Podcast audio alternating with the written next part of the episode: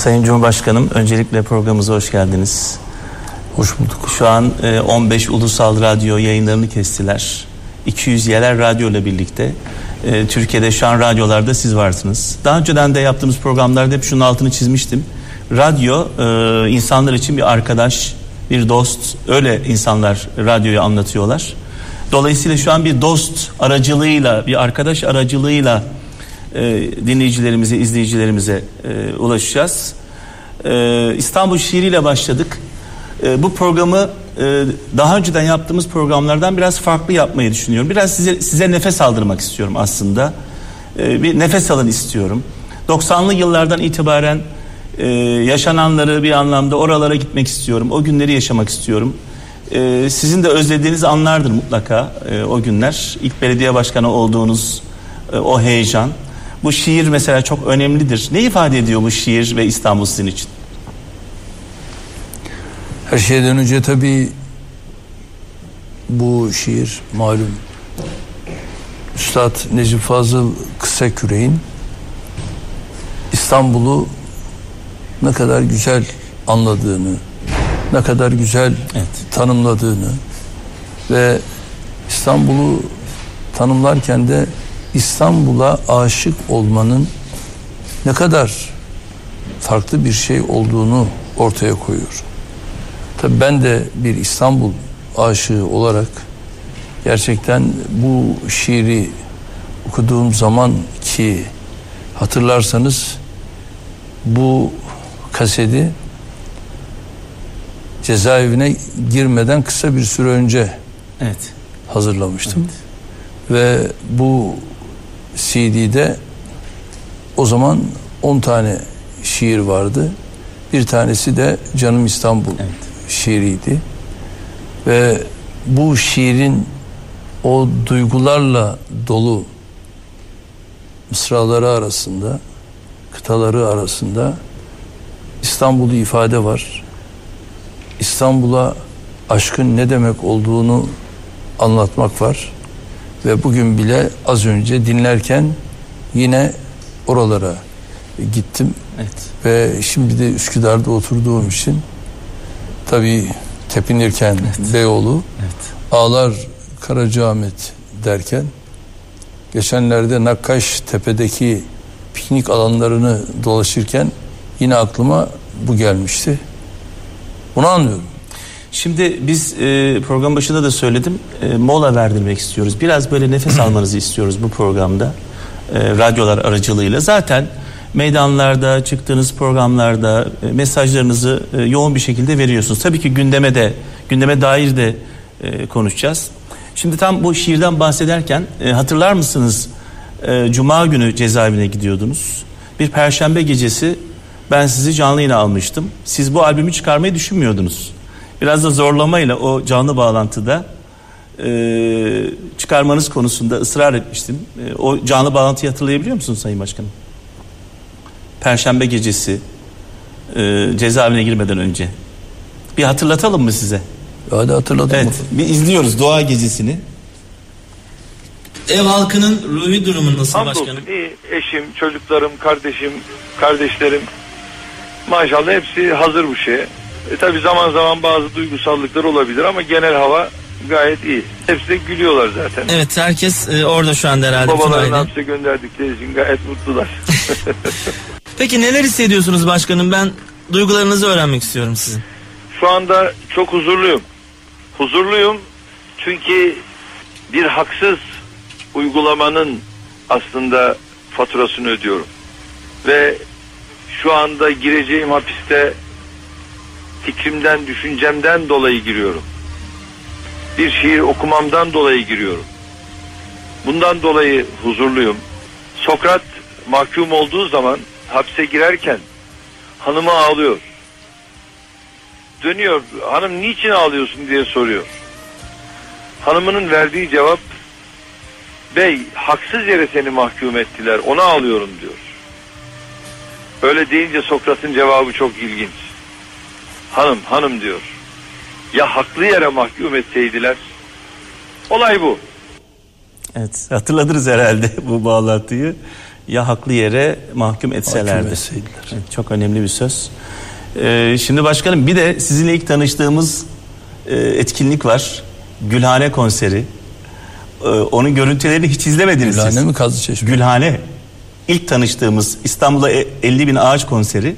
Bir izleyelim Oy. beraber. O günlere gidelim birlikte. Çok güzel, harikasınız, muhteşemsiniz. Kurşun yedim sol yanından Yaralandım Yaralandım Yaralandım Evet, şimdi karşınızda Ferdi Tayfur.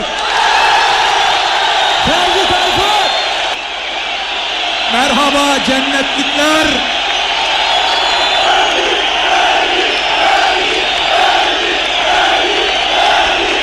İstanbul Büyükşehir Belediye Başkanı'na huzurlarınızda teşekkür ediyorum.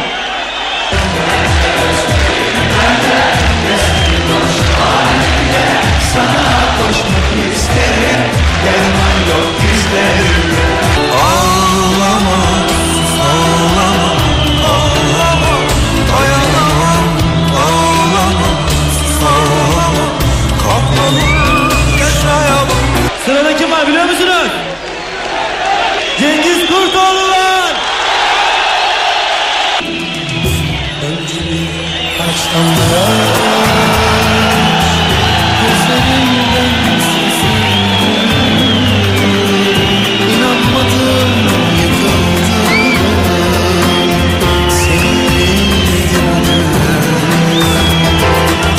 Bana sorarsanız mevsimlerden Ayten'deyiz.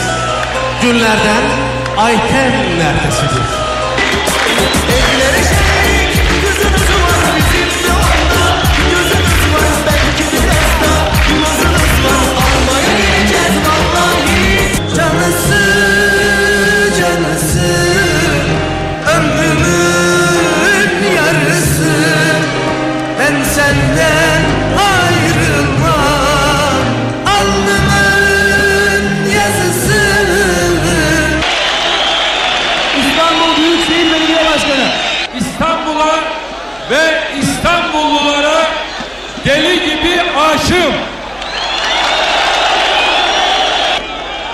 Tebrik ediyorum, takdir ediyorum.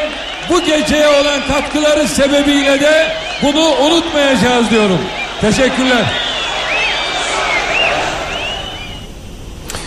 Ee, şimdi başkanım biz sizinle bu etkinlikte tanışmıştık. Ee, İstanbul'da 50 bin ağaç e, etkinliğiydi. Ee, bizim için çok değerli bir e, organizasyon. 200 bin kişi Gülhane Parkı'na girmişti. Ee, sizde Kazlı Çeşme daha fazla. Kazçeşme de var. Kazçeşme'de 1 milyon kişi vardı. Cezaevine girmeden önce e, sizi en çok etkileyen etkinliklerden bir tanesi değil mi başkanım? Ahmet Kaya'nın olduğu yer. Ahmet Kaya. İzleyelim onu da. Evet. 75. yıl arkadaşlar. Evet, hoş geldiniz.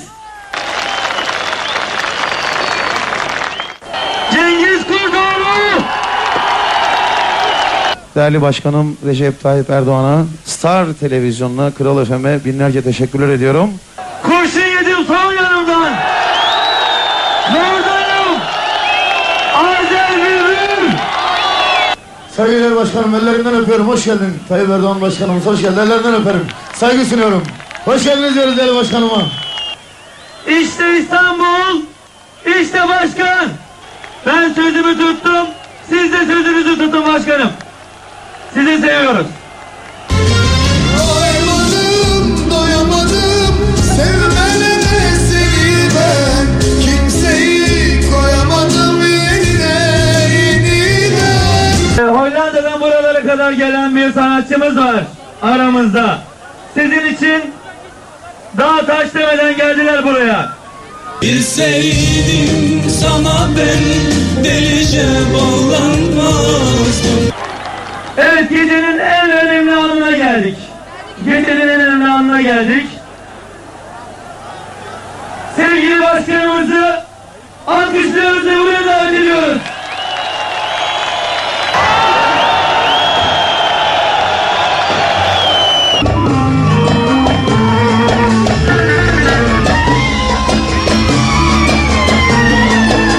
Biz sözümüzü tuttuk. Mikrofon sizde. Kral Efem'le birlikte düzenlemiş olduğumuz bu güzel gece, bu muhteşem gece 75. yılımızın bundan sonraki asırlara da devamına bir vesile olmasını diliyorum.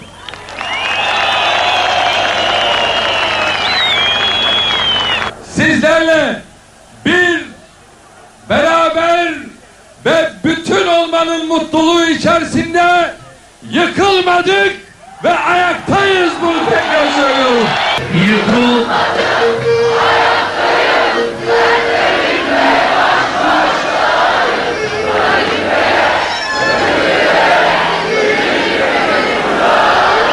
Çok sağ olun. Merak etmezler Merak etmezler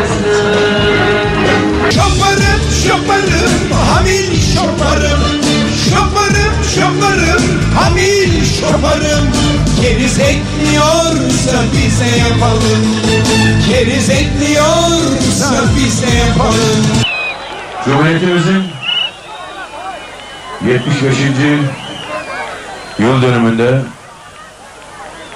daha güzel günleri yaşamak, Cumhuriyeti daha özgür yaşamak, inanca saygının, düşünceye özgürlüğün olduğu cumhuriyetleri yaşamak dileğiyle ve artık şarkı söyleyenlerin ve şiir okuyan insanların tutuklanmadığı, tutuklanmayacağı cumhuriyetlerde bir daha görüşmek üzere diyorum.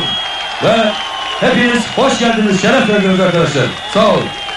Ezdirmem sana kendimi Gövdemi yakar giderim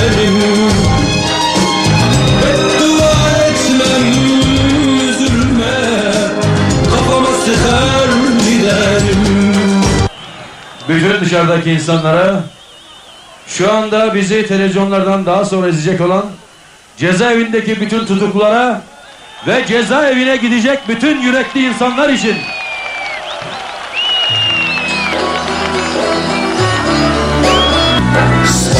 Saçlarına yıldız düşmüş. Koparmam ne ağlama. Saçlarına düşmüş ağlama Evet siz de eşlik ediyorsunuz e, şarkıya. E, çok duygulandığınızı şu anda görüyorum. E, o günlere gittiğinizi görüyorum. Tabii radyoda e, dinleyenler bunun farkında değiller. Biz burada çok farklı bir atmosferin içindeyiz. E, başkanım neler hissettiniz?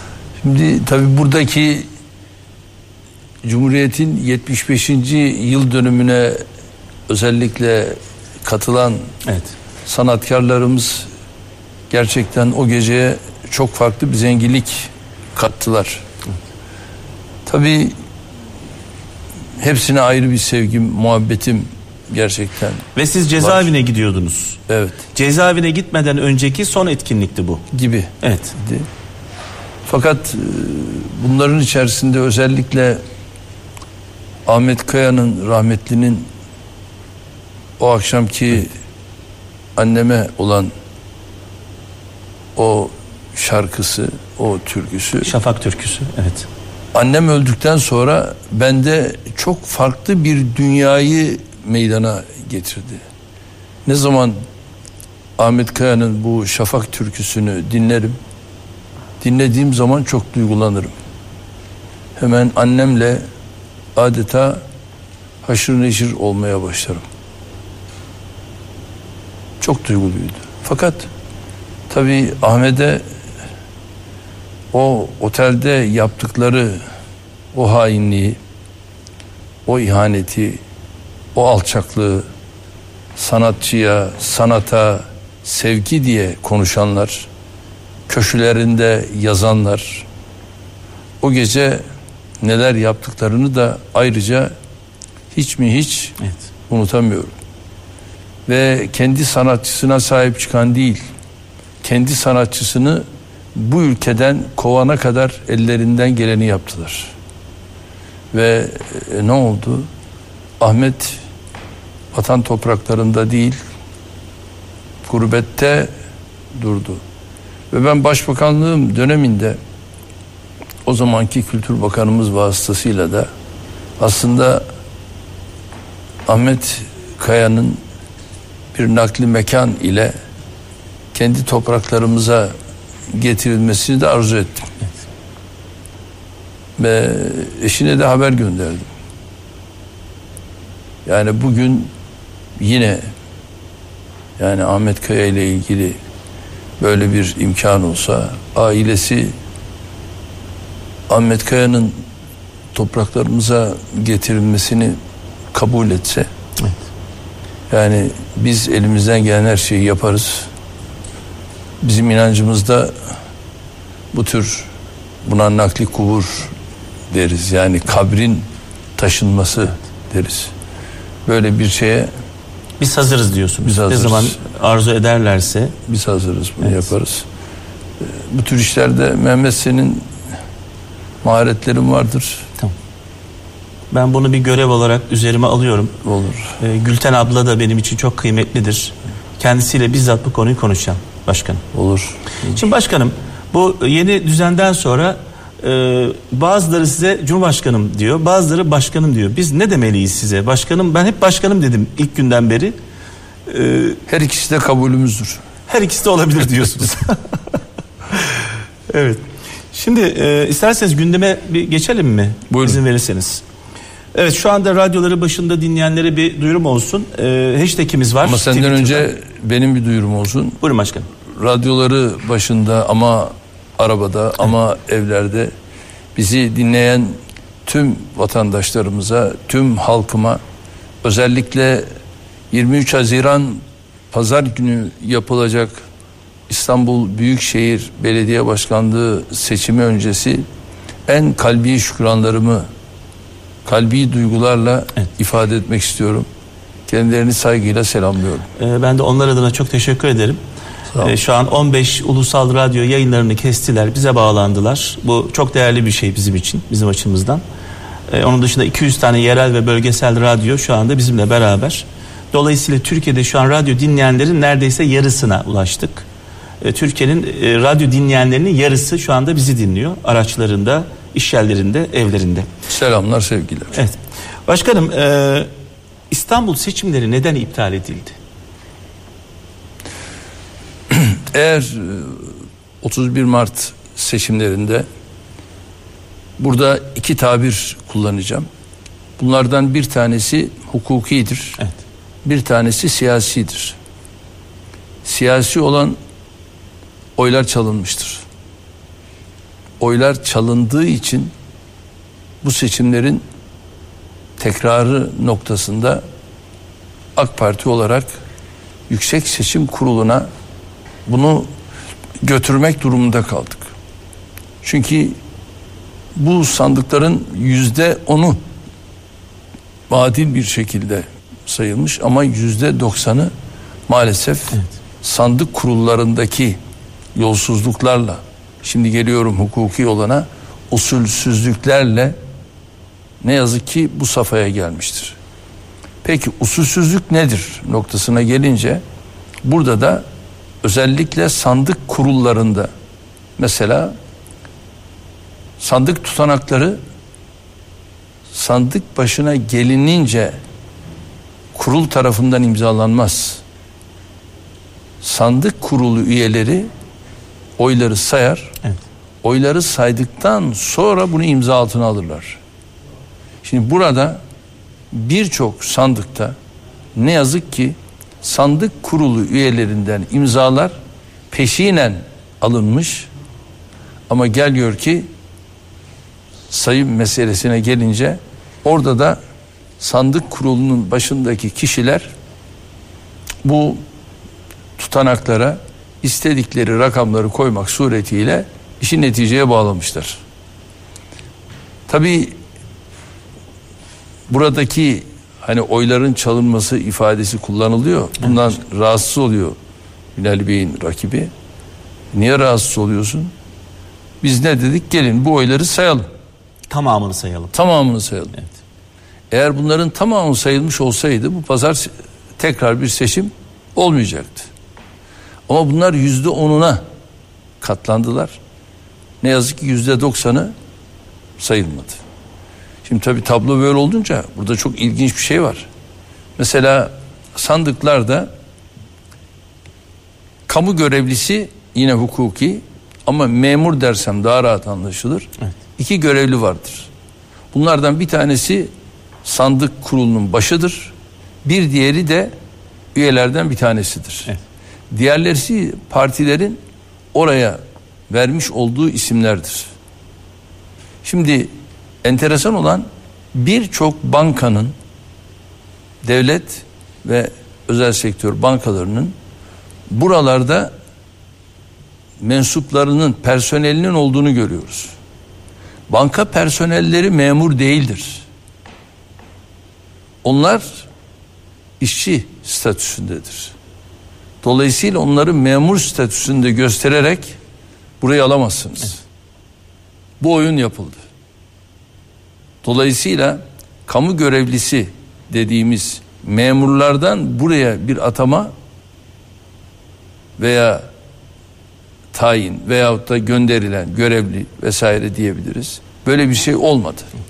Şimdi tabii bunlar bu şekilde olunca önümüzde de yüzde on sayım yüzde doksan olmayınca ve rakamlarda 30 binden 13 bine maalesef düşünce çok açık net burada oyların çalındığı ortaya çıktı.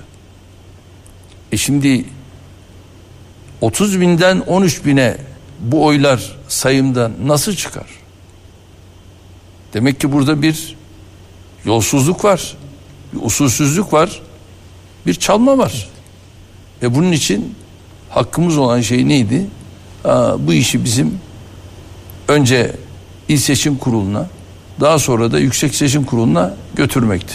Şimdi Ve biraz önce valiz. bahsettiğiniz o e, ihmaller e, CHP ve Millet İttifakı şöyle iddia ediyor. Bu ihmaller yani memurların e, seçim kurullarında sandıklarda kullanılmaması YSK'nın e, ilçe seçim kurullarının il seçim kurullarının e, sorumluluğunda. Bu, bunda bizim bir kabahatimiz yok e, diyorlar.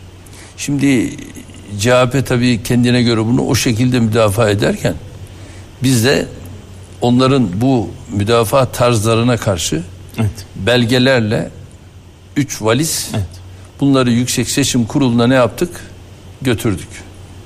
Yüksek Seçim Kurulu bizim bu belgelerimizi bütün sandık tutanaklarını vesaire e, bütün bunlarla beraber bu çeteleleri hepsini buraya koyarak ki bazılarında bunlar bile yoktu. Biz bunların hepsini Yüksek Seçim Kurulu'na verdik. Yüksek Seçim Kurulu bütün bu verdiğimiz belgeleri gözden geçirerek sonunda ne yaptı? İptaline ve seçimin yenilenmesine karar verdi. Bu kararı veren biz değiliz. Bu kararı veren yedi iptali istikametinde dört tane aykırı olmak üzere bu karar verildi. E bu kararı biz vermedik ki. Bu kararı veren Yüksek Seçim Kurulu. Peki Ve Yüksek Seçim Kurulu bu kararı verdikten sonra o ana kadar Yüksek Seçim Kurulu'nda olanlara çete demeyenler, Yüksek Seçim Kurulu'nun vereceği karara saygılı olacağını söyleyen Cumhuriyet Halk Partisi o andan itibaren ne demeye başladılar? Yüksek Seçim Kurulu çetelerle dolu dediler. E şimdi burada tabi bu hakaretlere, bu saygısızlığa uğrayan Yüksek Seçim Kurulu üyeleri ben inanıyorum ki bu CHP'nin yetkilileri, ilgilileri onlara çete diyen her türlü hakareti yapanlara karşı da kendi yasal olan haklarını savunacaklardır, koruyacaklardır. Ee, Sayın Başkanım, e, YSK ilçe seçim kurullarında ve il seçim kurulunda e, bu ihmalleri yapan e, memurları, memur olmayanları memur gibi e, görevlendiren bu kişiler hakkında bir soruşturma, bir e, şey başlattı mı acaba bununla ilgili? İşte onlarla ilgili olarak e, seçim kurullarındaki yetkililere yönelik bazı atılan adımlar oldu. Peki bundan sonra e, e, 23 Haziran'da e, seçime gidiyoruz tekrar bu pazar günü. Aynı ihmallerin olmaması konusunda gerekli önlemler alınmış mıdır? Tekrar böyle bir şey yaşar mıyız efendim? Şu an itibariyle bu işin yani ben e, sıfırlandığını iddia etmeyeyim ama minimize olduğuna şu anda inanıyorum. Çünkü müşahit ve avukatlarımız bu konuda çok kararlı, hazır. E, sayılarını da bunların artırdık. Deneyimli arkadaşlarımız partimiz aracılığıyla belirlendi. Görevleri kendilerine tebliğ edildi. Gözler tabii bu noktada çok daha açık olacak. Oy torbalarının ağzı mühürlenip ilçelere ilçe seçim kurullarına varıncaya kadar Evet. e, gözlem devam edecek. Sandık başından diyoruz ki kimse ayrılmayacak. Görevli arkadaşlarımıza da bu konuda gerekli eğitimler verildi. Temenni ediyorum ki inşallah pazar akşamı durum çok daha farklı olacak. Yani bir ihmal söz konusu, bir eksiklik söz konusu olmaması için elimizden, geleni Elimizden gelen yapıyoruz. tedbirleri aldık. Ee, inşallah pazar gününden sonra e, böyle bir kaosu bir daha yaşamayacağız diye düşünüyoruz. Peki e, hep tartışılan konu şu. Bir sandıkta dört tane e, vatandaş oy kullanıyor. E, ilçe belediye başkanını seçiyor. E, il belediye başkanını seçiyor. Muhtarını seçiyor ve il meclis üyesini seçiyor. Neden sadece belediye başkanı e, tekrarlanıyor da ilçe e, belediye başkanı ve il meclisi tekrar e, yapılmıyor? Şimdi bunlara yapılan itirazlar aslında sudan bahaneler. Şimdi e, muhtarlık seçimleriyle alakalı orada herhangi bir bu noktada sıkıntı yaşanmadığı için bunlara itiraz söz konusu olmadı. Orada da bu tür bazı sıkıntılar yaşanmış olsa o hakkında sıkıntı yaşanan muhtar kesinlikle itirazını yapar sonuna kadar da bunun takibini yapar. Kaldı ki bu zaten partilerle de alakalı değil. Muhtarların kendileriyle alakalı. İlçe belediye başkanlıklarına gelince bu konularda da yine benzer sıkıntılar yaşanmadığı içindir ki bunlara bu tür itirazlar olmadı. Peki itirazların olduğu yerler yok mu? Var. İşte Büyükçekmece'de itiraz yapıldı. Maltepe'de itiraz yapıldı. Aynı şekilde mesela e, diyelim ki e, Kırıkkale'nin Keskin'inde itiraz yapıldı. Seçim orada yenilendi.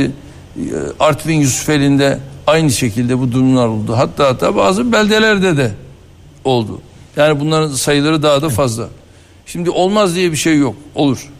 Ve gelelim bir başkasına meclis üyelikleri. Meclis üyelikleri noktasında da yine bu noktada bu şekilde bir sıkıntı, şaibe ortada olmadığı için buna gidilmedi ve Büyükşehir Belediye Başkanlığında ise ortada bakın 30 binden 13 bine düşen bir netice var. Yani demek ki bizim 17 bin 16 bin oy çalınmış. Dolayısıyla burası İstanbul. Bu hiçbir şeye benzemez.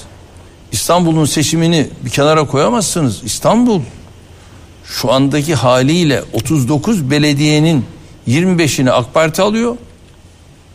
14'ünü şu anda Millet İttifakı olarak diğerleri alıyor. Böyle bir tablo var ortada.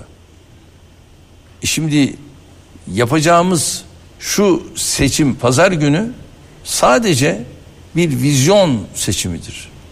Yoksa e, meclisin kahir ekseriyeti AK Parti'de. Bütün komisyonlar şu anda AK Parti'de.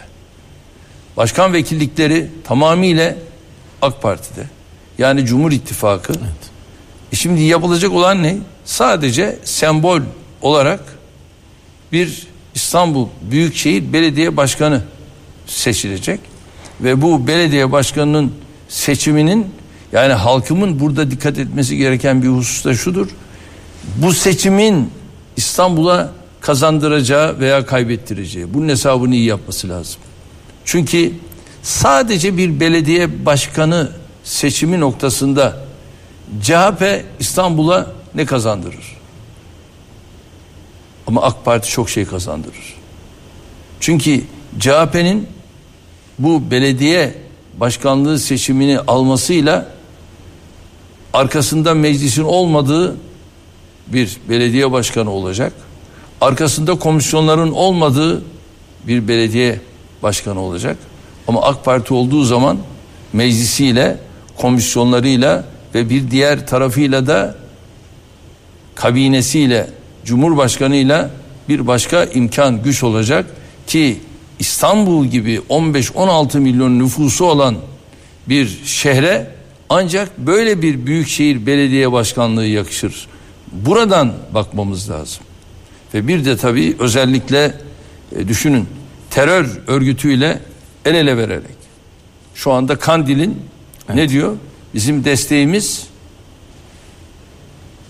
Millet İttifakı'nın adayından yanadır diyor. E, Selahattin Demirtaş'ın da bir açıklaması oldu. Şimdi onun da bir açıklaması oldu. O da açıklamasında oyunun CHP'nin adayından yana olduğunu söylüyor. Bakın kimler kimlerle şu anda el ele iş tutmuş. Yani burası çok önemli. Yani bunların milli yerli böyle bir şey yok. Bu bakımdan ben yani İyi Parti'ye gönül veren kardeşlerime sesleniyorum. CHP'ye gönül veren kardeşlerime sesleniyorum. Saadete gönül veren kardeşlerime sesleniyorum. Bakın bu oyunuz sıradan bir oy değil. Bu çok çok tarihi önemde bir oydur. Ve bununla birlikte düşünün birçok yerlerin CHP'nin adayı tarafından terör örgütüne şimdiden pazarlaması yapılmıştır. Oralara verilmesi söz konusudur. Şimdi başkanım zaman zaman e, muhalefetin şöyle bir iddiası oluyor. Siz biraz önce e, dediniz ki Saadet Partili kardeşlerim dediniz. İyi Partili kardeşlerim dediniz. HDP'ye oy veren kardeşlerimiz diyoruz. CHP'ye oy veren kardeşlerimiz diyoruz. Sizin zaman zaman bu seçmenlere hakaret ettiğinizi iddia ediyor muhalefet. Sizin e, burada e, bazı çıkışlarınız oluyor. O çıkışlarınız e, seçmene mi yoksa partilere mi? Ben bundan dolayı çok teşekkür ediyorum. Bir defa benim hiçbir partinin seçmenine hakaretim olmaz. Ben siyaseti 40 yıldır yapıyorum. Benim HDP'de dahil buna. benim eleştirim Evet. teröre bulaşmış olan yöneticileredir.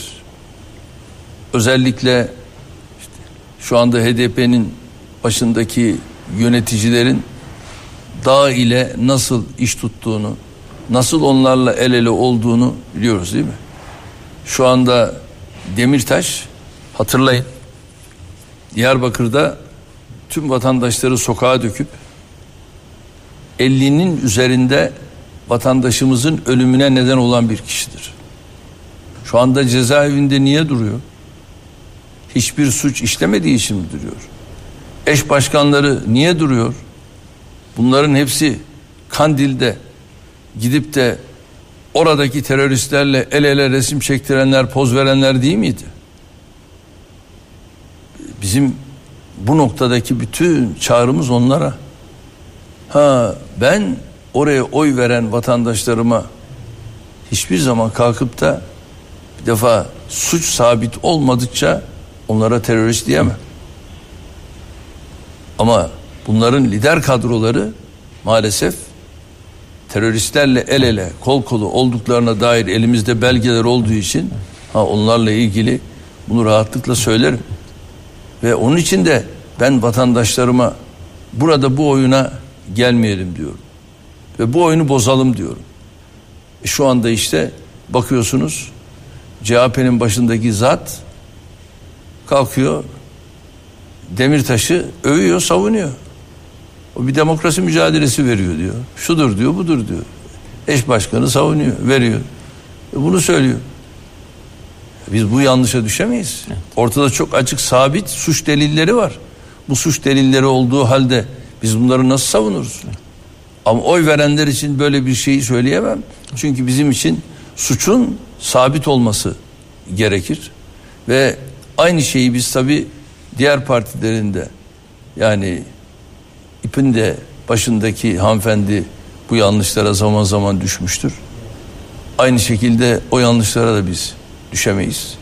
Biz sadece onlara oy veren vatandaşlarımızı kesinlikle bu noktada diyoruz ki gelin iyi değerlendirelim. Evet. Aynı yanlışa bir daha düşmeyelim. Peki bu noktada e, AK Parti olarak kendinizi e, tam ifade edemediğinizi düşünüyor musunuz? Özellikle Yani- Kürtler açısından. Çünkü efendim şöyle toparlayayım. 17 yıldır iktidardasınız. 17 yılda gözle görünür bir e, Kürtlerin kazanımları var. 17 yıl önce Kürtler neler yaşıyordu bu ülkede hepimiz biliyoruz. Ben mesela yaşadığım bir olayı anlatayım. Gizli gizli radyoda Kürtçe şarkılar çalıyordum. Her çaldığımda da acaba işten atılacak mıyım, başıma bir şey mi gelecek diye korku içindeydim. Yani 90'lı yıllarda. Bugün özgürce bu şarkıları çalabiliyoruz. Yani bu konuda hiç tarafsız olamayacağım. E, tarafımı belli edeceğim. Bugün Kürtçe kanallar var. Kürtlerin şu anda isteyip de alamadığı ne var diye soracağım size. Şimdi isteyip de alamadıkları artık bu ülkede hiçbir şey kalmadı. Caddelerde, sokaklarda Kürtçe isimlerden tutun da bütün mesela anneleriyle, babalarıyla cezaevlerinde Kürtçe görüşme yapma imkanları yoktu. Bütün bu imkanlar artık var. Önceden çok özür dilerim. Bir anne cezaevindeki Kürt evladıyla Kürtçe konuşamıyordu. Onu söylüyorum. Evet. Onu söylüyorum. Evet. Kürtçe konuşamazken şimdi bunların hepsi ortalıktan kalktı. Bir defa biz etnik milliyetçiliği ortadan kaldırdık. Dedik ki etnik milliyetçilik olmayacak. Niye? Çünkü bunlar bizi ayırıyor. Biz kültürel milliyetçiliği ortadan kaldırdık. Niye? Bunlar bizi ayırıyor. Bütün bunlarla beraber biz bir şey daha ortaya koyduk. Bunların televizyon yayınlarıydı, şusu busu vesaire. Hepsini bunlar serbestçe yapabiliyorlar. Fakat şunu söylemem lazım. Yani biz şu anda özellikle Güneydoğu, Doğu buralarda AK Parti olarak en güçlü parti konumuna geldik. Bir şeyde yanılıyoruz. Nedir?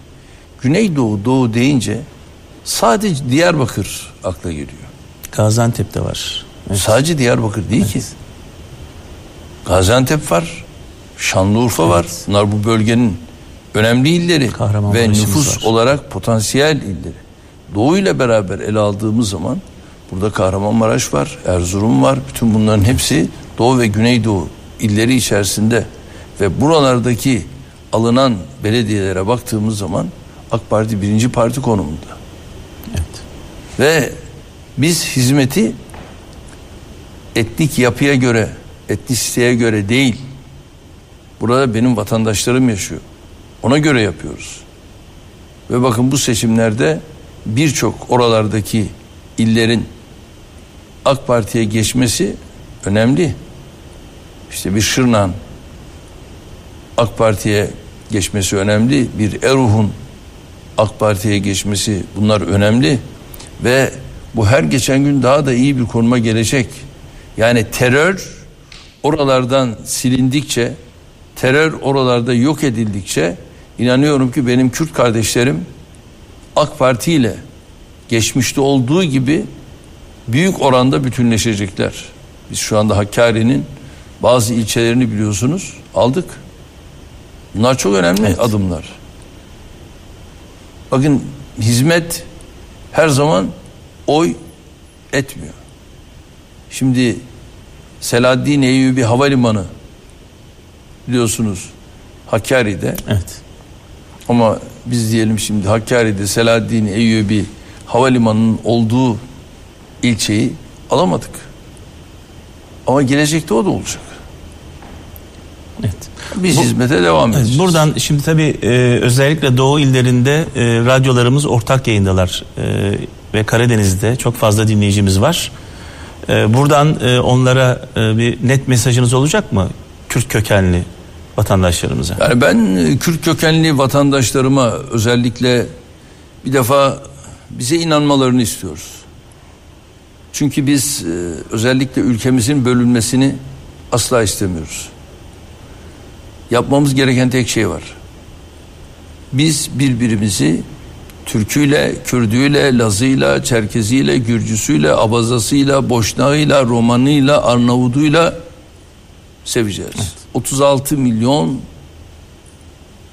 Yani 36 ayrı etnik grup 82 milyon bir ve beraber olacağız. Böyle olursak güç buluruz. Böyle olmazsak güç kaybederiz. Ve zaten bizi Batı dünyası bölmek istiyor. Parçalamak istiyor. Biz Batı dünyasına da bu fırsatı vermeyeceğiz. Onun için e, ben Kürt kardeşlerime özellikle şu anda tabii pazar günü İstanbul'da bir seçim var. İstanbul'da yaşayan Kürt kardeşlerime bu konuda hassasiyet göstermelerini Evet.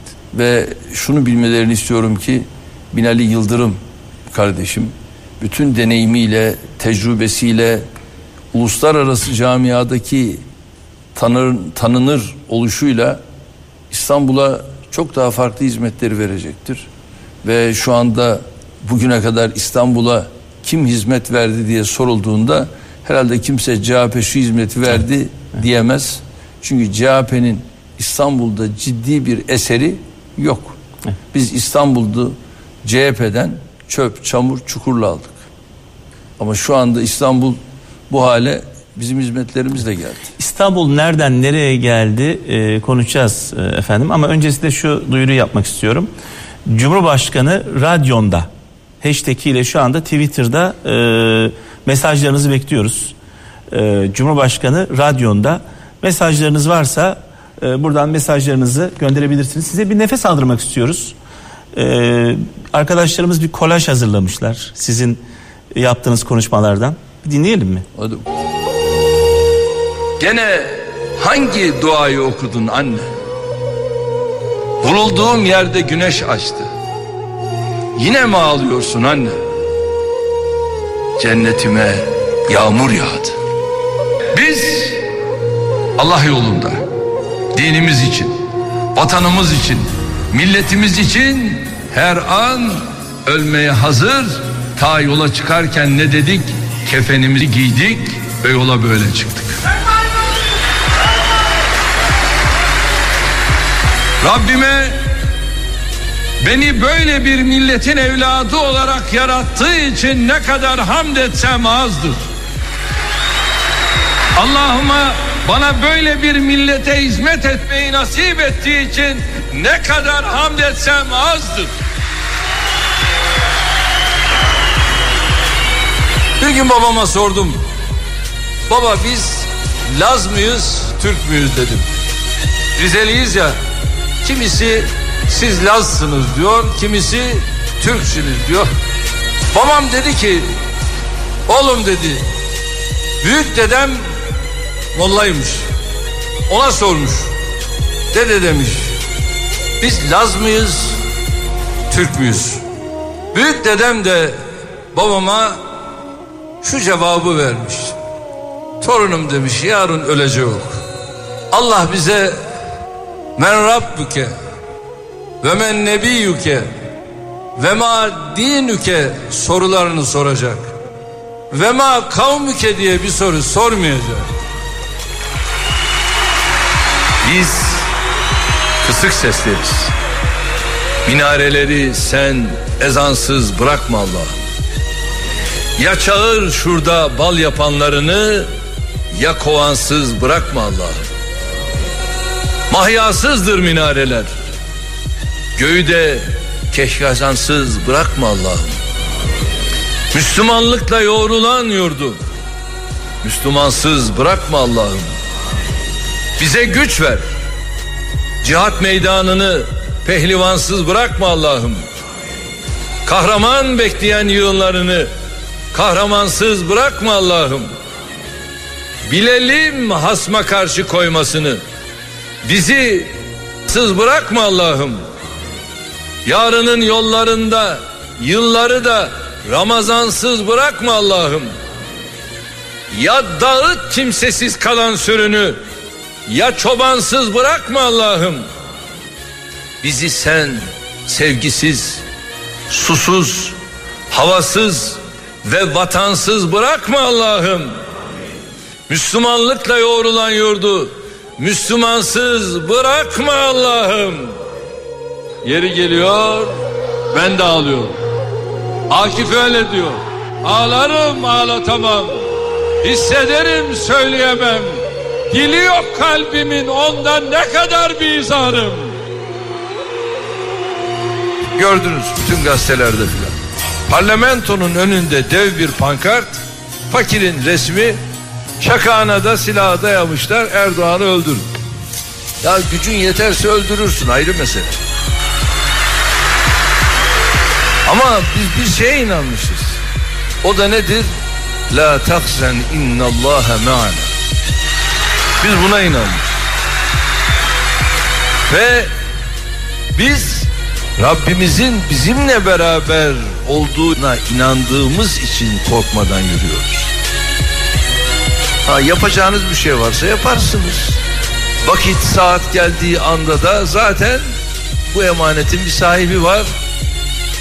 Sahibi o emaneti alacaktır. Selam olsun nene hatunlara, şerife bacılara. Helal olsun Çanakkale ruhunu yaşatanlara. Yazıklar olsun vatan elden giderken kaçan korkaklara. Sevgili, en sevgili, ey sevgili, uzatma dünya sürgünümü benim. Ülkendeki kuşlardan ne haber vardır? Mezarlardan bile yükselen bir bahar vardır. Aşk celladından ne çıkar? Madem ki yar vardır.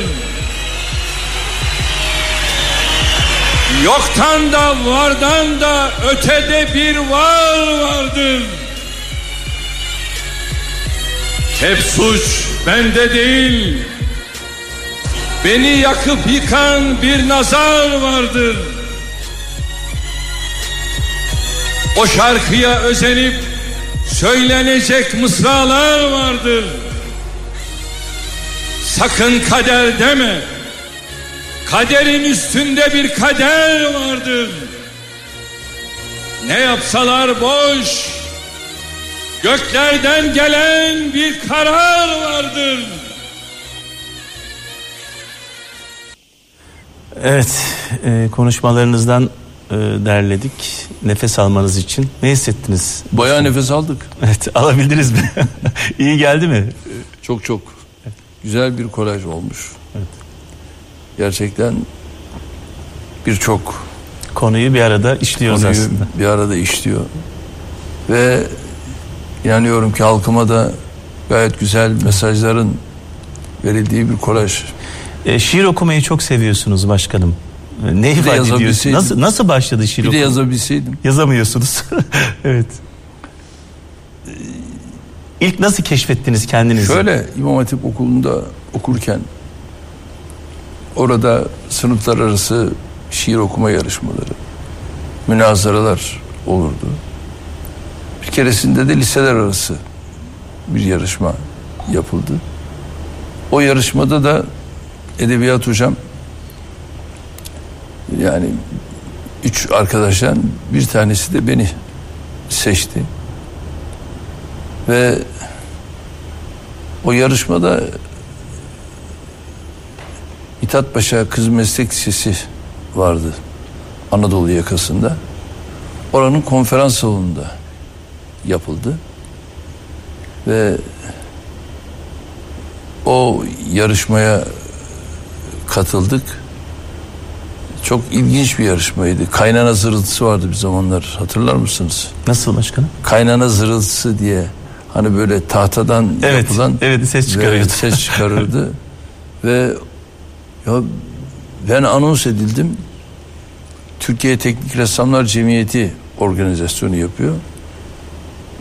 Tam ben şiiri okumaya çıktım. Bu kaynana zırıltısıyla Tezahürat başladı. Salon inletiliyor. Yani bana şiir okutmayacaklar. Ee, Ben de önce elimde mikrofon var. Bunlar baktım durmuyor. O gün de liseler arası güreş müsabakaları da var. Bizim okuldan da oraya kimse neredeyse gelmedi. Böyle bir durum var. Şimdi bizim arkadaşlar güreşe çok meraklıydılar. Ee, Durmuyor. O anda böyle e, yani irademin dışında bir durum oldu. Ben mikrofonu yere bıraktım. Mikrofonu yere bıraktıktan sonra ben şiirimi okumaya başladım. Hangi şiirdi başkanım? O şiir Asım'ın Nesli şiiriydi. O kaynana zırıltılarıyla salonda beni susturmaya gayret eden bütün öğrenci arkadaşlar ki salonda yaklaşık bir yani e, 750 kişi falan vardı büyükçe bir salon. E, Şiiri bitirdim. Bir anda salonda büyük bir adeta sevgi patlaması. Büyük bir heyecan ve sanki başladığım andaki salon yok. O gitmiş. Yerine bir başka salon gelmiş. Ve şiirimin bitişiyle birlikte neticesinde de o yarışmada ben birinci olmuştum. O yarışmanın Onunla başlayan bir süreç. Evet, o yarışmanın aslında siyasi hayatınızda çok önemli yeri var diye düşünüyorum ben. Orada kendinizi hissettiniz. İnsanları etkileyebildiğinizi fark ettiniz belki de. Özgüveninizi kazandınız. Ee, o yarışmada birinci olmanız, o insanların tepkisi bugünlere gelmenizde önemli bir mihenk taşı olabilir mi ac- acaba? Yani onu tamamıyla oraya bağlamayayım ama evet, önemlidir. bir defa okulumuzda zaten şiir okuma onun yanında münazaralar münazaralar çok çok önemliydi. Bir de tabii liseler arası münazaralar filan bunlar bize bir özgüven getirdi. Ve bu özgüvenle beraber zaten yani bu yolda yürüdük ve sosyal faaliyetler içerisinde çok aktif, gayretliydim. Ve e, İmam Hatip'teki öğrenciliğim döneminde zaten Milli Türk Talebe Birliği Orta Öğretim Komitesi ondan sonra diğer oradaki kültür müdürlüğü, tesisler müdürlüğü gibi bazı görevleri de yaptım. Dolayısıyla yani gençlik çalışmaları içerisinde ta oradan itibaren e, yer aldık. Zaten e, üniversite yıllarımda da o süreç devam etti. Daha sonra siyasi hareketin içerisinde gençlik kollarından başlayan bir süreçte devam ettik. Peki büyük hayalleri kurmaya ne zaman başladınız başkanım? Ülkeyi yönetmek, İstanbul'u yönetmek, lider olmak. Şimdi bunlar o anda olacak şeyler değildi. Bunlar Adım zaman adım. içerisinde Allah'ın da lütfuyla kazanılan şeylerdi. Ve tabii siyasi harekette e, geliyorsunuz. Bir partinin önce ilçe gençlik kolları başkanı oluyorsunuz. Daha sonra İstanbul gibi bir şehrin gençlik kolları başkanı oluyorsunuz. Ondan sonra işte bazı adaylıklar süreci.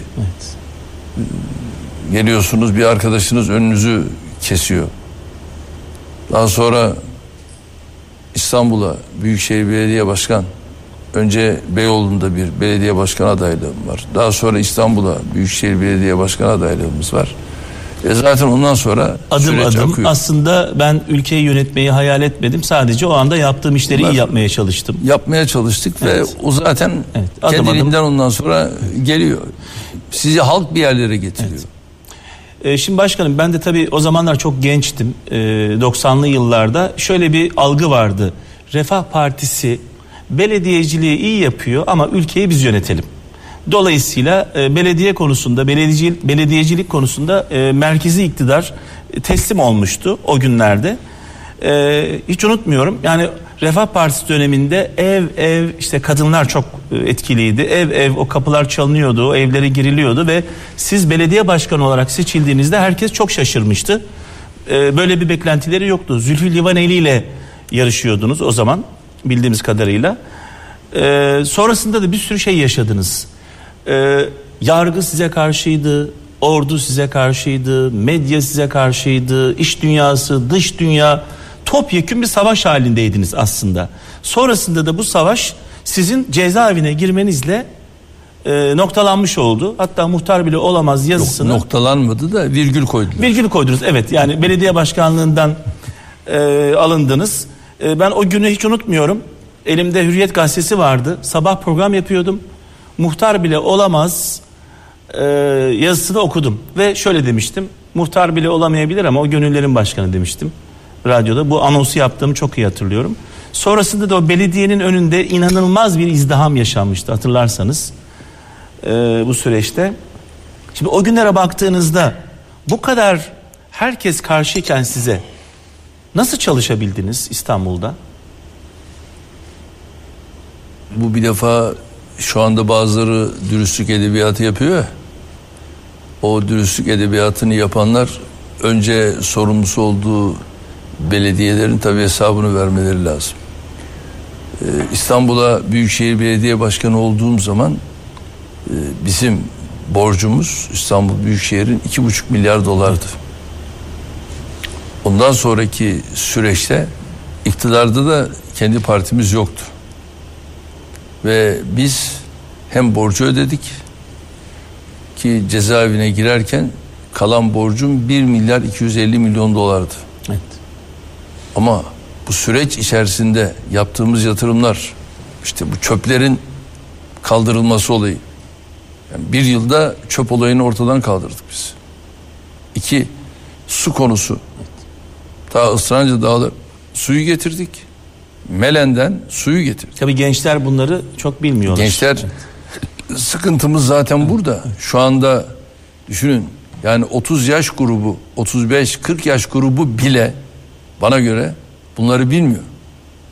Yani o susuz İstanbul'u onlar yaşamadılar. Hava kirliliği. Annelerine bunu, babalarına bunu sormaları lazım. Yani hava kirliliği vardı da bu nasıl giderildi? İstanbul'u devraldığım zaman 50 bin eve doğalgaz girmişti. Ama ben cezaevine girerken 1 milyon 250 bin eve doğalgazı bağlamıştık. Ve biz doğalgazla İstanbul'un hava kirliliğini giderdik. Ama şu anda bakın 6,5 milyon eve İstanbul'da AK Parti belediyeciliği doğalgazı getirmiş vaziyette.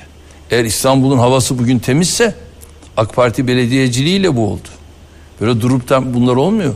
Şimdi çıkmış konuşuyorlar. İşte İstanbul Büyükşehir'in bu kadar borcu var. E tabii olur. Doğru. Ya borç yiğidin kamçısıdır. Ha bunun taksitlendirilmesi önemli. Bundan sonraki süreçte de ödemesi önemli. Ama bakın bizim benim her zaman bir ifadem var. Yani insan yönetimi çok önemlidir. Bilgi yönetimi çok önemlidir. Finans yönetimi çok önemlidir. Ve bunu yönettiğimiz için de biz hem yatırım bunun yanında da özellikle borçların ödenmesini başardık. Mesela aynı şekilde bizim bu yatırımlarla birlikte o dönem içerisinde bakın şu andaki birçok kavşakların birçok dalçıkların yapıldığını göreceksiniz. İstanbul'da böyle bir şey yoktu. Şimdi bugün ben Sancaktepe'deydim. E Sancaktepe hiç mi hiç böyle bir şeye alışık değildi. Ama ben şimdi o Büyükşehir Belediyesi'nin yapmış olduğu alt geçitlerden geçerken iftihar ettim. Bunların hepsi AK Parti belediyeciliğinin eserleri. Bunlar yapıldı. Mesela şu anda Söğüt Çeşme'den ta Beylikdüzü'ne kadar metrobüs gidiyor. Oradaki beyefendiye sormak lazım. Bu metrobüsü buraya kim getirdi? Sen mi getirdin? Tabi onların tek lafları var. Ya yapacaksın. Görevlisin. E tamam da o zaman şunu söylememek lazım. Yani 25 yılda ne yaptınız? Evet bunu soruyorlar. He. O zaman ne yaptınız diye soralım mı? 25, e, o 25 yılda İstanbul'da neler yapıldı? Aklınıza gelen. Ne sorarsanız sorun. Şimdi 25 yılda ne yaptınız dediğinizde işte ben önce çöp çukur çamur. Evet.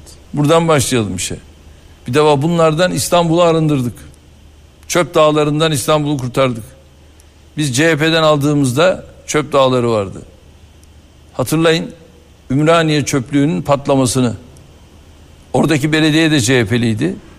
O çöplük patladı ve orada 39 vatandaşımız öldü. Büyükşehir o da CHP'deydi. Çukurlar noktasında her taraf adeta kanallarla doluydu. Ama biz buraların hepsini yollarını vesairelerini altyapısıyla beraber büyük oranda çözdük. Her taraf zaten öyle olunca çamurdan geçilmiyordu. Ben seçim kampanyasını çizmelerle yaptığım günleri hatırlıyorum. E bunun dışında en önemli adımlardan bir tanesi de az önce söylediğim bu kavşak düzenlemeleri. Bu alt geçitler, bütün bunları o dönemde yaptık. Hatırlayın, biz göreve geldiğimizde İstanbul'da İETT'nin otobüsleri hangileriydi? Macaristan'ın Ikarus otobüsleri Külüstür vardı. otobüsler vardı hatırlıyorum. İçinde ne havalandırması ne kliması böyle bir şey falan yoktu. Doğru dürüst garajı da olmadığı için İstanbul Büyükşehir'in İETT'nin ve bunları mazotlar mazotlu bezlerle temizlenirdi. İçeriye girdiğiniz zaman o kokudan geçilmezdi. Ve ben arkadaşlarıma şunu söyledim. Ya dedim biz halkımıza bizim niye bu otobüsleri kullanalım? Reklam olacak gerçi ama gelin dedim ya Mercedes alalım. Man alalım. Bunlarla halkımıza hizmet verelim. Çünkü benim halkıma bu yakışır dedim. Ve biz bu otobüsleri İstanbul'umuza soktuk. Havalandırması, kliması her şeyle ve bunlarla biz taşımacılığı başlattık. Bakın şimdi işte metrobüsü getirdik. Bak Kadıköy Söğütlü Çeşme'den. Kadıköy'deki belediye CHP'li. Ama burada CHP'li belediye var demedik. Ve oradan ta şu anda Beylikdüzü oralara kadar metrobüs gidiyor. Ve kaç dakikada gidiyor geliyor bunun bir ölçümlemesini yaptığınız zaman AK Parti belediyeciliğinin buraları neyi kazandırdığını görmek çok açık net ortada. Daha önemlisi ne yaptık? Mesela Marmaray. 2013 yılında 29 Ekim Marmaray'ın açılışını yaptık. Ve bunu CHP engellemeye çok çalıştı. Ve bunu Danıştay'a vesaire taşıdılar. Şu oldu bu oldu. Ve o günden bugüne 29 Ekim 2013'ten bugüne o Marmaray'dan 350 milyon insan geçti. Düşünebiliyor musunuz? Denizin altından Marmara'yı yapmak o da bize nasip oldu. Aynı şekilde Avrasya'yı yaptık. Dedik ki sadece raylı sistem olmaz. Bir de araçların rahatlıkla gidip geldiği Asya'dan Avrupa'ya, Avrupa'dan Asya'ya bunu yapalım. Ve Avrasya Tüneli'ni yaptık. Avrasya Tüneli'yle de kalmayalım dedik. Üçüncü bir köprüye daha ihtiyaç var. Ağır vasıtaları tamamen o tarafa aktaralım. Hatırlayın Yavuz Sultan Selim Köprüsü'nü yaptık. Bunu da biz yaptık. Ve bütün bunlarla beraber çok daha önemlisi bakın şu anda Üsküdar'dan ta Çekmeköy'e kadar metro hizmeti var. Aynı şekilde bakıyorsunuz şimdi ta şeye e, Sarıyer'e kadar biliyorsunuz yine metro sistemini yaptık. O da aynı şekilde çalışıyor. Bir başka yine önemli adım ki bunlarla da biz ayrıca tabii iftihar ediyoruz. O da Boğaz'ın altından bakın ben geleceğe ait olanları değil yaptıklarımızı sadece söyledim söylüyorum. Ama şimdi öğrencilere, üniversite öğrencilerine ben burs veriyordum. CHP bunu maalesef Danıştay'a taşıdı. Şey Anayasa Mahkemesi. Evet belediye başkanlığı zamanınızı hatırlıyorum böyle Anayasa bir manşeti. Mahkemesi'ne tanış- taşıdı ve o zamanki Anayasa Mahkemesi maalesef bizim bu şeyimizi verdiğimiz bursu kaldırdı. Bu Danıştay'da olabilir. Ve biz tabi hükümete gelince başbakan olunca bu defa üniversite gençliğine biz burs ve krediyi başbakanlık olarak vermeye başladık. Şimdi de bunu Kredi Yurtlar Kurumu vasıtasıyla veriyoruz. Ama çıktı şimdi yalan söylüyor adam. Diyor ki ben diyor üniversite gençte bu ya veremezsin. Çünkü senin partin bunun önünü kesti. Ama biz bunun önünü açtık. Biz veriyoruz. Diyor ki işte yaşlılar otobüsler falan. Ya bunları biz yaptık zaten. Benim dönemimde yani emekliler otobüsleri kullanabilir hale geldiler. Akşam belli saate kadar ücretsiz olarak otobüsleri kullanır hale geldi. Ve şey, öğrencilere pasa, pasaport şeyi paso uygulamasını aynı şekilde biz getirdik yine o dönemde. Ve şu anda da yine mesela yüksek hızlı trenle kim Türkiye'yi kavuşturdu? Biz. İlk adımı da biliyorsunuz buradan Eskişehir Ankara bu hatta açtık. Ve ben hükümet olarak yaptıklarımıza fazla girmeyeceğim. Çünkü İstanbul şu anda konuşuluyor ama İstanbul Havalimanı bu noktada dünyada şu anda parmakla gösterilen bir havalimanı haline geldi. Berlin Havalimanı 17 yıldır yapılamıyor. Bak biz 5 yılda bitirdik. Eksikleri var iddialarına ne diyeceksiniz? Var. Hayır var. Ee, vatandaş e, ulaşımda zorluk yaşıyor. Ama onlar şu anda hepsi planlanmış vaziyette. Evet. Ee, metro Şu anda- gidecek mi? Tabii tabii. Evet. Şu anda metro olayı zaten çalışma devam ediyor. Yani eksik derken planlananda şu anda Evet. bu eksiklik var ve onlar da zaten şu anda süratle çünkü buranın beş ortağı var. Ve bu beş ortak daha fazla para kazanmayı istemez mi? Şu anda bunun çalışmasını yapıyorlar ve bu kesinlikle bitecek ve bittiği andan itibaren oraya ulaşım çok daha rahat olacak. Bir de tabii havalimanının içerisindeki sirkülasyon her geçen gün artıyor ama bakın şu bayramda geçtiğimiz bayramda herkes bize dua ediyor. Yani çok yoğun bir trafik olmasına rağmen biz burada rahattık diyor. Çok büyük e, şikayetleri var. İçinde dolaş dolaş yoruluyoruz diyorlar. Zevk alacaklar canım. Şimdi orada mesela e, ben dün akşam oranın ortaklarından biriyle beraberdim. Dedim ki yani şurada klaplar vesaire filan bunlar üzerinde bir durun da yani gerekirse bunları ücretsiz yapın. Çünkü yürüyen şeyler var, merdivenler var biliyorsunuz. Onlar noktasında onlar ücretsiz zaten. Ama bunlar dedim bir kolaylık yapmanız lazım. Bu da bir pazarlama tekniğidir dedim. Yani bunun üzerinde de durmanızda fayda var. Konuştuk. Fakat e, tabii bizim şimdi bu yeni dönemle ilgili biliyorsunuz millet bahçelerini başlattık. E, Millet Atatürk kıraathanelerini Havalimanı başlattık. millet Şimdi bahçesi Atatürk oluyor. Havalimanı Evet. e, bir bölümüyle büyük bir bölümüyle millet bahçesi oluyor.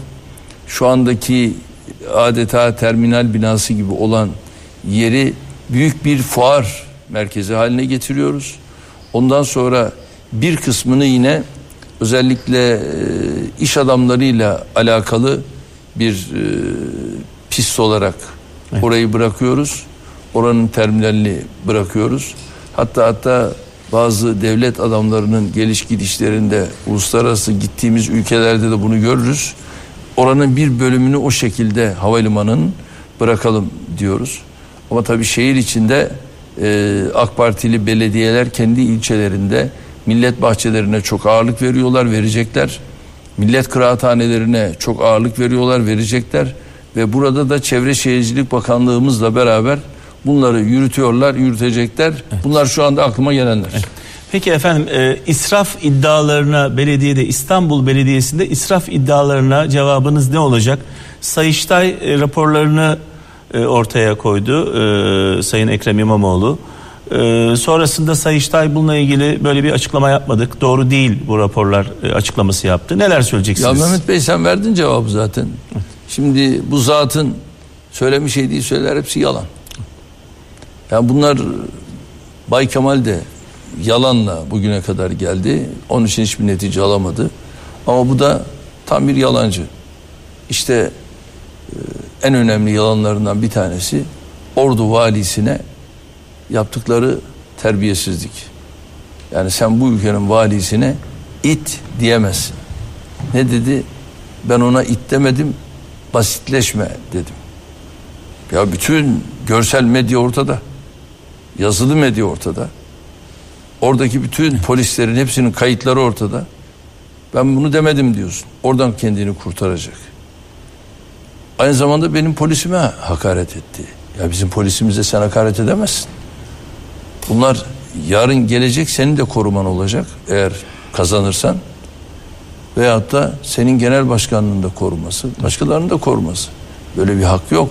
Ama bunlar yalan üzerine işlerini hep bina ettiler. Böyle bina etmek istiyorlar. Peki seçilseniz bile seçilsen bile e, bu görevi yapamazsın gibi bir e, ifadeniz oldu mu? Yani seçildiği takdirde böyle bir şey olduğu takdirde bu ifadeleri ordu valisine hakaret etmesi, polislere hakaret etmesi görev yapma e, e, noktasında bir engel teşkil ediyor mu efendim? Şöyle bu konuda tabii işi ordu valimiz yargıya Evet. götürmesi halindeki götürecek. Polislerimiz hakeze. Tabii bu konuda yargının vereceği kararı ben şu anda bilemem. Evet. Ama yargının vereceği karar bu işte önünü kesebilir. Kesebilir diyorsunuz. Tabii. Evet. Peki e, siz e, bu ortak yayını çok önemsediniz. E, ve bazı ifadeleriniz var. Bu ortak yayın e, bu süreçte kırılma e, yaratabilir demiştiniz. Yani buna benzer ifadeleriniz oldu. Çok önemsediniz ortak yayını. Ve ortak yayını e, modere etmek için de önce Uğur Dündar ismi e, konuşuldu. Uğur Dündar kabul etmeyince İsmail Küçükkaya konusunda anlaşıldı. Şunu sormak istiyorum. Neden e, bir muhalif moderatör seçildi? Şimdi bu konuya doğrusu ben zerre kadar müdahil olmadım. Yani bu konuyla ilgili olarak adayımız burada rahat hareket etsin. Kendi fikri miydi efendim bu? Muhalif olan biriyle Evet, çıkalım fikri Sayın Binali Yıldırım'ın fikri. Binali Bey biliyorsunuz Uğur Bey'in adını da bahsetti. Evet. Sonra o olmadı. Tekrar bu isimler ortaya geldi. Burada da e, İsmail Bey'in adını ortaya attılar. Ee, muhalif olması olmaması bunlar önemli şeyler değil. Duruş önemli. Şimdi düşünün. Sen kalkacaksın programdan önce CHP'nin adayıyla ki orada da yalanlar dönüyor malum ama elimizde belgeler var şimdi. 45 dakika Marmara etapta görüşme yapacaksın. Ve soruları kendisiyle paylaşacaksın. Ve bu soruların hepsinin de şu anda elimizde onların da belgeleri var. Yani şu anda oturum esnasında bütün o kartların konulduğu kutuların vesairelerin elimizde belgeleri var. Nasıl belge efendim? Şimdi- Görü- görünüyor mu? Tabii tabii. Görüntü kutular işte hepsi bunların resimleri filan falan çekilmiş vaziyette elimizde bunlar. Ve buradan mesela şimdi enteresan soru soruluyor. Hemen oradan alınıyor. Yani sen şimdi buna hazırlıklı olmamış olsan böyle o kartı oradan nasıl çekip alacaksın? Gayet güzel hepsi yanlarına yazılmış. Oradan çekiyorsun, alıyorsun ve ondan sonra masada önüne koyuyorsun ve oradan aktarıyorsun. İşte bir yalan da bu. Böyle bir şey olabilir mi ya? Ve bu tamamen ahlaksızlıktır. Ahlaksızlıktır. Eğer vereceksen veya görüşme yapacaksan mesela biz e, Sayın Dündar'la yaptığımız Deniz Baykal programında her iki tarafın danışmanlarını davet etmişti. Her ikisiyle de görüşmeler yapmıştı. E, Ve o görüşmelerden sonra da biz programa çıkmıştık. Evet. Bu başka bir şey. Ama tek taraflı böyle bir şeyi yapıp ondan sonra da e, kalkıp dürüstlükten bahsetmek bambaşka bir şey. Ee, peki efendim programı izlediniz. Ee, izlerken bir rahatsızlık hissettiniz mi ee, program esnasında? Ne gibi? Yani programın akışı, programın gidişi.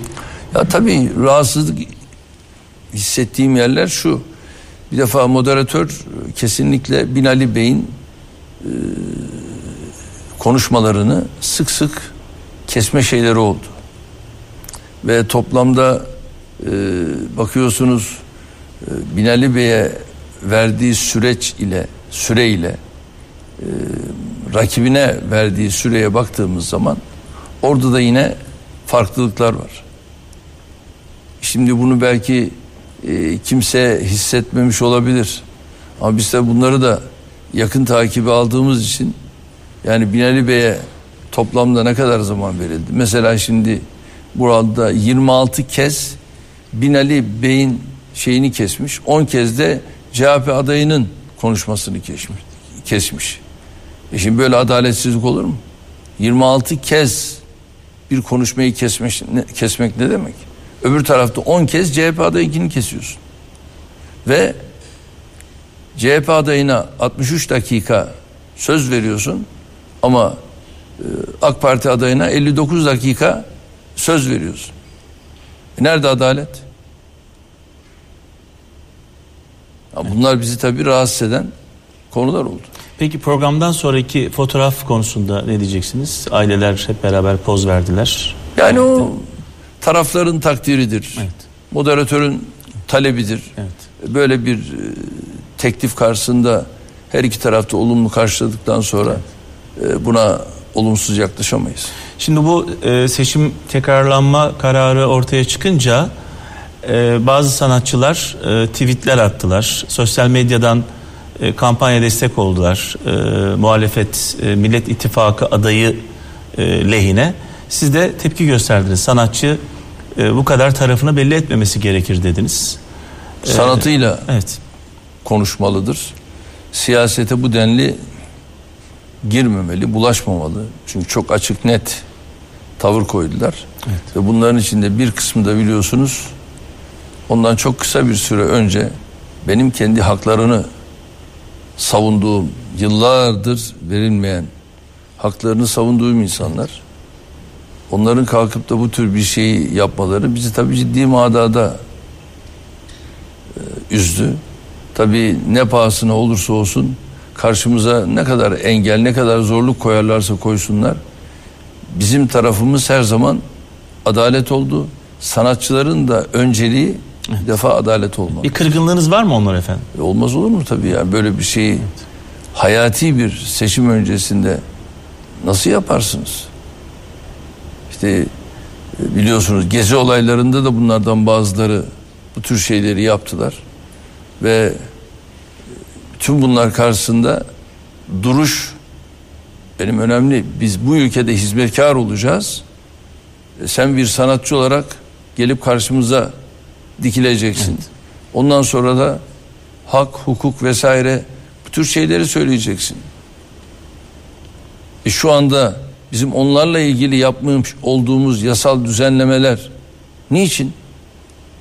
Hak, hukuk gerçekleşsin diye. Biz bunlar için çalışırken e kalkıp da siz karşımızda dikildiğiniz zaman e kusura bakmasınlar.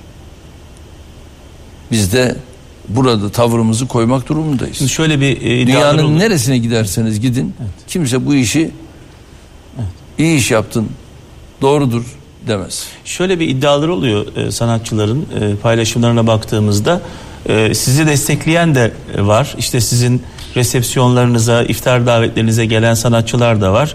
Biz de tarafımızı bu şekilde belirliyoruz. İftar davetinize gelenler veya resepsiyonlara katılanlar e, bir destek için mi geliyorlar yoksa davet için mi geliyorlar? Şimdi bakın bir davete icabet başka bir şeydir. Destek başka bir şeydir. Biz sanatçı oldukları için davet ediyoruz. Destek versinler diye davet Bir et. Destek anlamına değil bu. Evet, evet. Ya bunlar bu ülkenin sanatçıları. Onun için davet ediyoruz. Yani onların bu davete icabet etmeleri Evet. aslında yani Türkiye'nin Cumhurbaşkanı'nın bir davetine icabet aslında bir kibarlıktır. Bir protokol gereğidir. Gelirsin gelmezsin o ayrı mesele. Davet ettiğim halde gelmeyen bazı meşhurlar da var. Evet, Şimdi onu soracağım efendim. Hep aynı kişiler geliyor. Aynı kişilerle fotoğraf veriyorsunuz. Niye bizi davet etmiyorsunuz? Biz de bu ülkenin sanatçıları izleyenlere. Hiç alakası yok. Herkes davet ediliyor. Hiç alakası yok. Biz bu ülkedeki sanatçıların neredeyse tamamına yakınını hep davet Bu etmişimdir. çok önemli çünkü Hep davet Evet. etmişimdir. Israrla davet ettiğim halde gelmeyenler vardır. Evet. Tamam mı? Bunlar da kıdemlilerdir aynı zamanda. Ve bunların da bize karşı maalesef tabii ona da üzülüyoruz. Ne kadar kindar olduğunu da yine sanatçı arkadaşlarından öğreniyoruz. e, en son Fazıl Say'la bir fotoğraf verdiniz. E, konserini izlediniz. Buna benzer e, hareketler e, devam edecek mi gelecek süreçte? Ya niyet misin? Ben şimdi mesela Fazıl Bey'le özellikle 29 Ekim ile alakalı e, bir görüşme yaptım. Sağ olsun o da 29 Ekim'le ilgili bir parçadan bahsetti. Çalışıyor şu anda bu Yani parçaya. çalışıyor ve onu bir başka parçayla da e, bütünleştirmek suretiyle bu akşam inşallah bir araya geleceğiz. Orada bir program yapma imkanımız olacak. Ee, şunun altını özellikle çizelim. Ee, dinleyicilerimiz dinlesinler. Sayın Cumhurbaşkanımız, Sayın Başkanımız diyor ki biz bütün sanatçıları davet ediyoruz ama birçoğu gelmiyor. Muhalif tavırlarından dolayı. Hep aynı kişileri görüyor olabilirsiniz e, ekranlarda. E, onlar katılan insanlar ve e, benim davetime gelenler benim taraftarım değil Cumhurbaşkanlığının davetlisi olarak bir anlamda geliyor diyorsunuz. Bunlar zaten Cumhurbaşkanlığının mevcut geçmişten bugüne protokol listesidir. O protokol Şimdi- listesinde olanlar buraya davet edilir, gelir ve bunların içerisinde geleni var, gelmeyeni var. Gelenlerle beraber bizler de o davetlerimizi icra etmiş oluruz. Şimdi e, meydanlarda, yollarda, araçta giderken ilginç anlar yaşanıyor zaman zaman. Arkadaşlarımız e, başkanım onu da e, derlediler. Bir dinleyelim beraber özellikle çocukların yoğun olduğu. Nasılsınız? Maşallah. Sesiniz çok gür çıkıyor. Sağ olun. Sağ olun. Teşekkürler. Hediyeler için teşekkürler. Hediyeler aldınız. teşekkürler. Ah, ah, beni öldürdü be. Öldürdü beni be maşallah. Hayallerimi gerçekleştirdim. Hay hayali gerçekleşmiş. Hatırladın mı oradan vardığımı? Sıramız olmuyor. Et diyorsun? gördüm. Ya gördüm gördüm. Annesi bu niye beni bu kadar seviyor? Bizden kaynaklanıyor. Dedem MHP'li CHP'limine ben size sizi tutuyorum. Ya ben Yozgat'a geldim ama o gün tabii çok kar vardı. Herhalde sen üşürsün diye baban seni eve götürdü değil mi? Evet. Tamam. Dersler nasıl? Çok iyi. Maşallah. Ellerinden öpüyorum. Ben de gözlerinden öpüyorum. Pazartesi geliyorsunuz öyle mi? Evet. Çok heyecanlıyım. Ben de heyecanlanmaya başladım. Kime vereceksin oyu? Allah bilir. Hayda. Bak. Allah bilir herhalde onu karşıladığıma göre şey aldım beni. Sen benim şimdiye kadar benim oylarım geliyor, mesajla geliyor. Nereden geliyor? Bütün garantiler var. Zaten böyle bakıyorsun aynen karınca gibi bir sözleşme. E Bunu kredi çekecek olan filan da okur mu yok? Zaten adamcağız sıkışmış. Sürüyorlar önüne o sözleşmeyi. At imzayı buraya. Atıyor imzayı.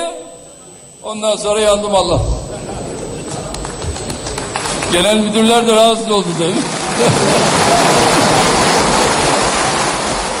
Cumhurbaşkanı Allah razı olsun. Yazdım ulaşmıştır inşallah. Bilmiyorum ki ya. Mustafa Bayram. Çok uyanıksın. Ben Trabzon. Ben Trabzon. Allah yar ve yardım. Pendiye programa yetişeceğim ama ya. Çekelim hemen. Şöyle bir fotoğraf selfie çekinelim bir de. Çek sırayla hemen. Nereden çıktı bu selfie ya? Mezarlıklara fazla gitmediğiniz için sevgili Musa oralardaki gelişmeleri göremiyorsunuz.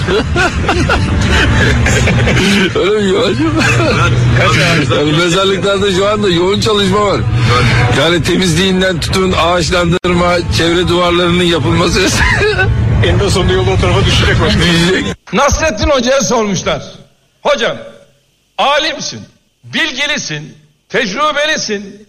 Lakin bugüne kadar bir icat yaptın mı demişler. Bir keşfin oldu mu demişler. Hoca ekmekle kar yemeği ben keşfettim demiş. Ama benim bile hoşuma gitmedi demiş. Recep dede. Aa bak burada Suudi Suudi bak bak. Suudi git öp hadi git öp koş. Yavaş annem yavaş. Gire. Geç geç annem gel.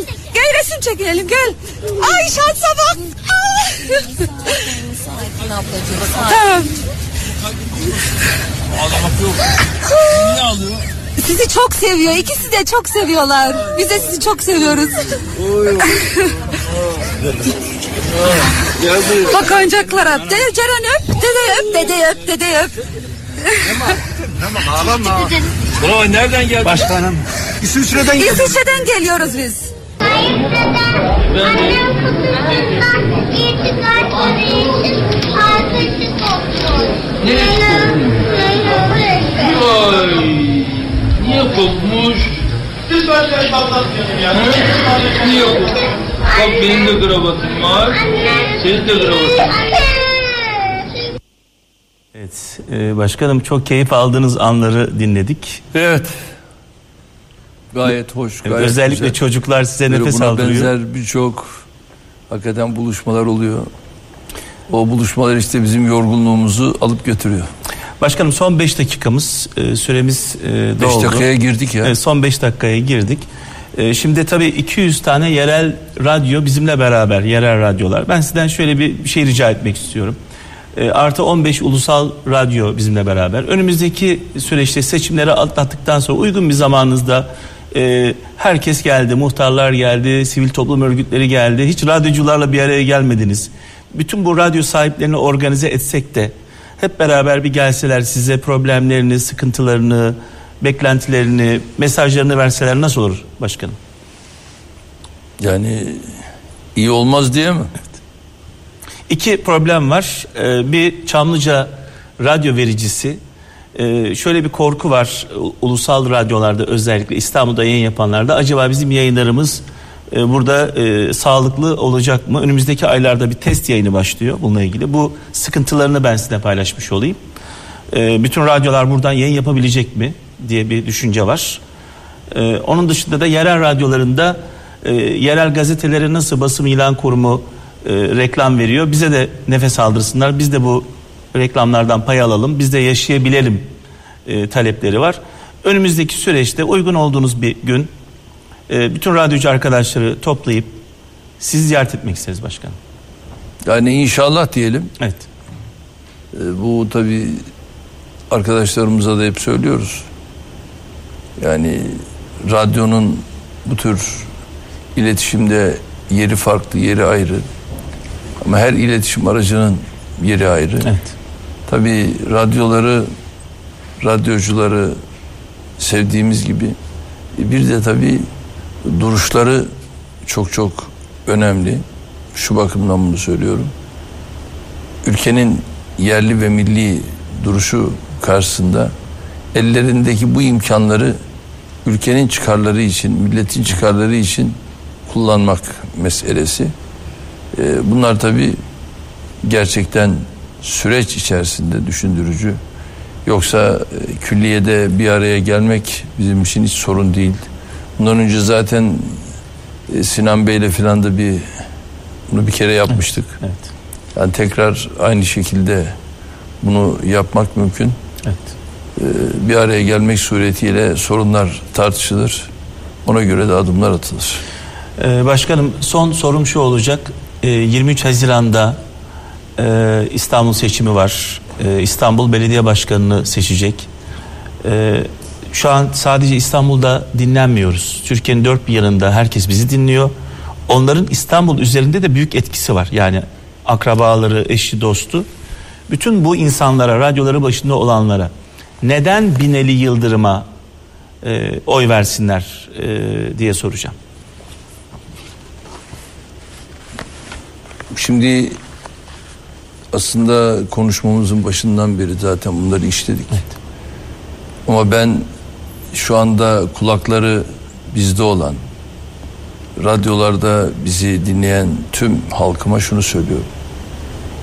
Eğer İstanbul'un kazanmasını istiyorsak, İstanbullunun kazanmasını istiyorsak, bir, burada tecrübeye ihtiyaç var.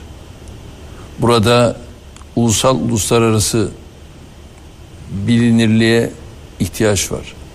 Burada belediyenin meclisinin arkasında olduğu bir belediye başkanına ihtiyaç var. Komisyonların arkasında olduğu bir belediye başkanına ihtiyaç var. Başkan vekillerinin arkasında olduğu bir başkana ihtiyaç var. Ve 39 belediyenin 25'inin yanında arkasında olduğu bir başkana ihtiyaç var. Geliyorum çok daha önemli olana kabinenin arkasında olduğu bir başkana ihtiyaç var. Cumhurbaşkanının yanında ve arkasında olduğu bir başkana ihtiyaç var ki İstanbul şu andaki performansını çok daha ilerilere taşımış olsun. Efendim e, bu yoğun programınız içinde e, radyolara zaman ayırdınız. E, bir buçuk saati geçti programımız. Ben bütün radyolar adına, e, ulusal radyolar ve yerel radyolar adına e, çok teşekkür ederim konuk olduğunuz için. İstanbul kazansın, Türkiye kazansın e, diyoruz. E, başarılar diliyoruz efendim. Ben de çok teşekkür ediyorum.